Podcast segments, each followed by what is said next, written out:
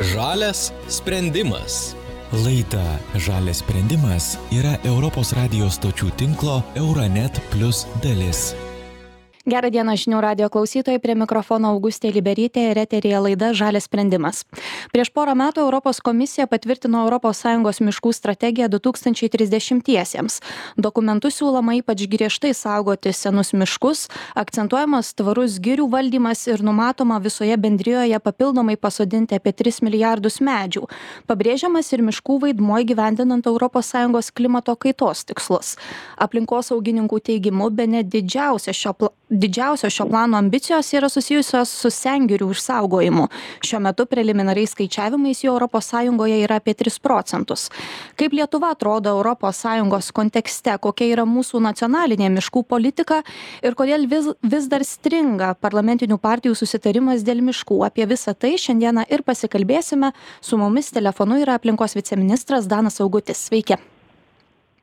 E, viceministrė, gal pradžiai nuo tokio bendresnio klausimo, apžvelgiant visą tą nacionalinę miškų politiką, e, siekiant gerinti šalies miškingumo rodiklius, nors jie palyginus visai neprasti, maždaug trečdalis šalies teritorijos priskiriama miškams, bet, na, gerinti ir atliepti tuos ir e, Briuselio tikslus, didinti miškų bioįvairovę, kokių pagrindinių politikos krypčių laikomasi Lietuvoje?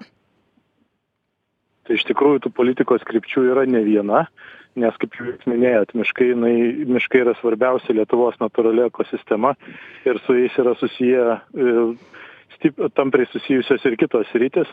Tai pradėkim matyt nuo to kas mums yra įprasta. Tai miškai yra buveinės e, mūsų laukinei gyvūnijai ir augmenijai tai mes e, miškuose įgyvendinam tiek savo paukščių direktyvą tiek buveinių direktyvą steigiamas saugomas teritorijas siekiant apsaugoti natūralias ir nykstančias rūšis bei europinės svarbos natūralias buveines miškai taip pat labai stipriai prisideda prie klimato kaitos valdymo absorbuoja mūsų išmetamą šiltnamio efektą sukeliančias dujas ir ir taip mažina mūsų šalies emisijas ir ypatingai tai susiję su miškų plėtra tai kuo daugiau bus miškų tuo daugiau emisijų jie gebės sugerti. Na ir be abejo ekonominė dalis tai miškai iš tikrųjų vaidina labai svarbų ekonominį vaidmenį ir šitoj vietoj reikia pripažinti tai kad mediena jinai yra ekologiškas išteklius tai yra mediena gali pakeisti betoną mediena gali pakeisti plastiką ir pakeisti iškastinį kurą. Tai dėl to tvariai naudojami miškai prisideda prie daugelio tikslų. Na ir be abejo tas pats paskutinis ir labai svarbus mūsų šalies gyventojams tai rekreacinis veiksnys. Tai yra miškuose žmonės ilsisi grybauja uogauja. E, lankosi sportuoja tai tai visa visus tuos pavadinkim skirtingus dalykus miškų politikoje ir tenka suderinti taip kad visi miške rastų savo vietą ir patys miškai išliktų ilgalaikėj perspektyvoj. Kalbant apie miškų iš, išlikimą, na, žinoma, nuo tam tikrų e, gamtinių stichijų, sakykime, sausrų, gaisrų, e, taip paprastai apsisaugoti nepavyksta, e, bet, na, kalbant apie tą žmogišką į faktorių, apie miškų kirtimą, kokie šiuo metu yra galiojantys reguliavimai, ar yra kažkokios normos, kiek galima, na, iškirsti, ar tai būtų valstybinio privataus miško kaip atrodo šitas e, mechanizmas? Matyt mechanizmas yra dvejopas tai yra visuose lietuvos miškuose galioja taip vadinamieji kirtimo amžiai. Tai yra priklausomai nuo miško grupės nuo ten kur kur tas miškas auga. Tai yra ar jis yra ūkinis ar saugomose teritorijose. Ir nuo saugomos teritorijos zonos galioja tam tikras laikotarpis nuo kurio ta prasme kurio sulaukę medžiai jau gali būti kertami. Tai yra ūkiniuose miškuose jis yra mažesnis e, draustiniuose didesnis bet šitoj vietoj tenka pripažinti kad vis dar ir draustiniuose galimi taip vadinami ūkiniai kirtimai nors labai nedidele apimtim bet vis dar yra galimi ir tą matyt reikėtų ateityje keisti.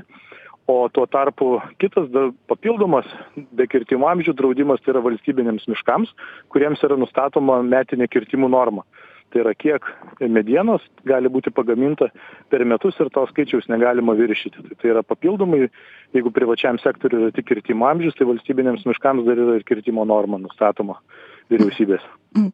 apskritai na žiūrint į tą tokį kontrolės faktorių e, ar yra sudėtinga na taip liaudiškai tariant sužiūrėti kad na ypatingai e, privačių e, privačiuose miškuose kur yra na ne valstybės e, nuosavybė, o tam tikrų žmonių, kad tų reikalavimų būtų laikomasi? Ar, ar yra visgi kyla tam tikrų iššūkių, kai kalbama apie, apie šitų reguliavimų kontrolę? Tai matyt yra du dalykai. Tai pirmasis dalykas kaip kontrolė vyksta šiuo metu. Tai iš tikrųjų kontrolę užtikrina dvi institucijos valstybinė miškų tarnyba ir aplinkos apsaugos departamentas.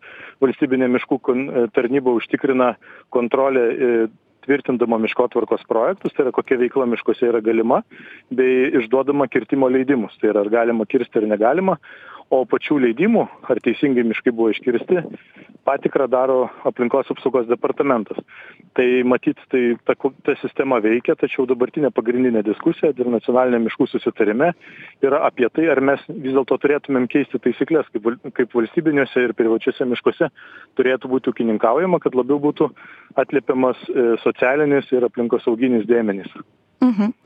E, laidos pradžioje užsiminiau apie Europos komisijos patvirtintą miškų strategiją, e, daug dėmesio sengirėms ir, ir, ir naujų medžių sodinimui, e, tokiam na, tausojančiam medienos išteklių naudojimui. Na, Vilniui, taip žiūrint, aišku, ta strategija jau priimta, bet ar viskas tame dokumente tenkina ar viską galima taip paprastai na pritaikyti mūsų naciona nacionalinėje politikoje ar visgi kyla tam tikrų iššūkių? Iššūkiai be abejonės kyla. Ir pats nacionalinis miškų susitarimo procesas parodė iš tikrųjų kad yra įtampos yra tie vadinami trys klasikiniai poliai ekologinis ekonominis ir socialinis. Ir tie poliai tarpusavy konkuruoja tam tikrais atvejais ekologinis su socialiniu gerokai rečiau bet irgi kartais konkuruoja. Nu ir be abejo tiek tiek ekologinis tiek socialinis tarpusavyje konkuruoja. Tai pavadinkim kiekviena šalis nori daugiau naudos sau arba daugiau dėmesio savo problematikai. Ir šitoj vietoj tas vat miškų politikos pagrindinis klausimas yra subalansuoti. Tai yra kiek mes saugome kiek mes paliekam visuomenės poreikiam ir kiek mes paliekam ekonomikai. Na ir be abejo šitoj vietoj reikia pasakyti kad visi miškai tam tikrą savo gyvenimo etapą visus tris polius atitinka. Tai yra ir ūkiniuose miškuose mes ilsimės ir ūkiniuose miškuose yra biologinės įvairovės ir ir taip toliau. Ta prasme tai visi tie trys poliai yra svarbūs ir tas suderinimas kiek kuriai daliai palikti daugiausia ir sukelia problemų ir daugiausia sukelia debatų. Mhm. lietuva aktyviai įsitraukė na į visą tą strategijos ruošimą ir ir tų debatų kažkokio kompromiso paiešką. Taip tai lietuva tai aplinkos ministerija šituo atveju buvo įsijungusi į įvairias darbo grupes tai yra vienas iš tų pagrindinių jau jau minėjot laidos pradžioj pagrindinių dalykų yra sengirių apsauga. Tai ką gi mes laikome sengirėmis? Iš tikrųjų lietuvoj tokių plotų mes turim palyginti nedaug. Mokslininkai skaičiuoja apie dvidešim keturis tūkstančius hektarų berods. Tai yra dėl dėl to kas gi turėtų būt apibrėžta kaip sengirės nes ta klasikine prasme tai lietuvoj sengirių mes iš principo kaip ir neturime tai yra tų tikrai neliestų miškų bet bet daug sengirės sengirėms būdingų elementų turinčių miškų mes lietuvoj kaip jau minėjau turim apie dvidešim keturis tūkstančius hektarų. Kitas labai svarbus klausimas yra kaip būtų tvarkomose saugomose teritorijose. Tai yra tai kas vadinama close to nature forestry arba lietuviškai verčiame e, gamtai artima miškininkystė kokios gi praktikos turėtų būti apibrėžiamos kaip gamtai gamtai artimos ir dėl to taip pat vyksta debatai mhm. E, taip pat ES strategijoje kalbama apie e, naujų medžių sodinimą, užsibrieštas tikslas, pakartosiu, na, 3 milijardus medžių iki 30 metų pasodinti. Mm, čia jau keli metai Lietuvoje vyksta nacionalinis miškasodis. Jeigu neklystų, šiais metais buvo pasodinta beveik 3 milijonai medelių tai taip pat e, tokia iniciatyva ši na atliepia europos komisijos e, viziją. Sutiktumėte su tuo? Tai be abejonės. Iš principo matyt miškų plėtra lietuvoj visąlaik buvo prioritetas ir tas miškingumas lietuvoj tolygiai didėja nuo antro pasaulinio karo. Dabar tas didėjimas pavadinkim yra truputėlį prislopęs nes vis sunkiau rasti žemės kur būtų galima įveisti mišką bet miškų plėtra jinai vyksta. Vyksta valstybiniai miškai gauna papildomai žemės kuri yra nenaudojama iš nacionalinės žemės tarnybos ten sodina miškus ir ir privatus sektorius taip pat gauna paramą naujų miškų įveisimui ir ir numatoma ateityje kad gaus paramą ir tokių pačių miškų registravimui miškų kadastre bei dokumentų sutvarkymui. Tai kitaip tariant e, valstybiniai miškai miškus sodina valstybinėje žemėje o privatūs žemių savininkai dažnai ten tose vietose kur netinkamos žemė žem netinkamos žemės ūkiui sodina ten savo miškus Mhm. Jūs kelis kartus užsiminėte apie nacionalinį miškų susitarimą, taip pat apie jį užsiminiau ir laidos pradžioje. E, Na, toks susitarimas inicijuotas dar 2021-aisiais. Kodėl jo reikia? Atrodo, kad na, daugelis politinių jėgų e, na, tą žalėją politiką, aplinkosaugos politiką jau kelia kaip vieną iš prioritetinių klausimų. Mes tai matome ir partijų programuose rinkiminėse. Ar dar yra kažkokių taškų, kur mums čia na, šalies viduje dar reikia susitarti, kur mes dar ne, ne, netradome to kompromiso? Iš tikrųjų manau kad reikia ir to proceso reikėjo reikėjo tiktai deja kad politikai iki galo šito proceso neužbaigė nepasirašydami paties dokumento. Šiaip jeigu paprastai kalbant visos šalys kaip jau minėjau ekonominė ekologinė ir socialinė sutinka kad reikalingas kompromisas tarp visų miško naudų kurių kurias kurias jau minėjau. Tačiau vis dėlto kas yra tas kompromisas kiekviena šalis mato skirtingai. Ir aplinkos ministerija inicijavusi nacionalinį miškų susitarimą norėjo vis dėlto sutarti dėl tos ilgalaikės politikos krypčių kaipgi turėtų atrodyti kompromisas kur mes saugome kiek mes saugome kokiom sąlygom saugom ką skiriam socialiniams poreikiams rekreacijai žmonių poilsiui ir kurgi vyksta medienos naudojimas tam kad aprūpinti pramonę e, atsinaujinančia žaliava tai va dėl šito iš principo buvo tariamasi dalyvavo keli šimtai žmonių buvo keli šimtai renginių ir buvo taip vadinamos devynios temos kuriose buvo ieškoma susitarimo ir trijose temose susitarimą pavyko pasiekti. Ir trys temos kurios yra taip pat labai svarbios tai biologinės įvairovės apsauga e, ekonominis miškų naudojimas ir ir daugiatikslis miškų naudojimas. Šitose temose susitarimo pasiekti nepavyko. Bet tos šešios temos taip pat yra labai svarbios ir labai daug e, duotų pridėtinės vertės tolimesnei teisėkūrai Jūsų akimis, ar čia e, na, idėjiniai skirtumai tarp politinių jėgų suveikia, ar visgi tam tikros ir polit, politinės ambicijos, mes žinome, kad yra ir daugiau na, tų nacionalinių susitarimų, kurie šiokioje tokioje pauzėje atsidūrė. Tai jūsų akimis, ar čia turinys buvo esminė problema, dėl ko visgi nerastas sutarimas, ar, ar kažkokie kitokie politiniai santykiai? E, matyt šitoj vietoj reikėtų pasakyti kad susitarimo tekstą rengia ne politikai susitarimo tekstą rengia visi sektoriaus dalyviai tai yra keli šimtai dalyvių kurie įvairiose temose darbavosi arba turėjo patirties jie nešė savo informaciją tarpusavy derėjosi ir ir ruošė tekstą. Politikai tame dalyvavo kaip viena iš grupių e, tačiau ta e, jų įsitraukimas nebuvo toks didelis kaip matyt kituose dokumentuose.